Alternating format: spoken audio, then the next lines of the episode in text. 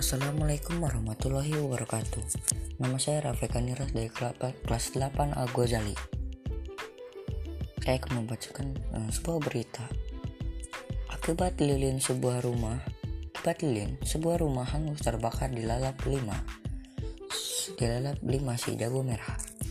Sebuah kejad kejadian tak terduga terjadi komplek perumahan Gria Jaya di beraksi kemarin malam jam 22.14 WIB.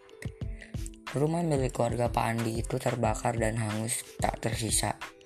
Peristiwa itu terjadi karena sang pemilik rumah yang menaruh lilin di atas lemari kayu miliknya. Untung, untungnya saat kejadian sang pemilik rumah, Pak Andi sedang pergi tahlilan di rumah tetangganya, sedangkan istrinya sedang pulang kampung. Dalam musibah itu, Pak Andi mengalami kerugian kurang lebih sekitar 800 juta ribu rupiah termasuk beberapa dokumen penting seperti akte kelahiran, ijazah, dan surat-surat tanah miliknya.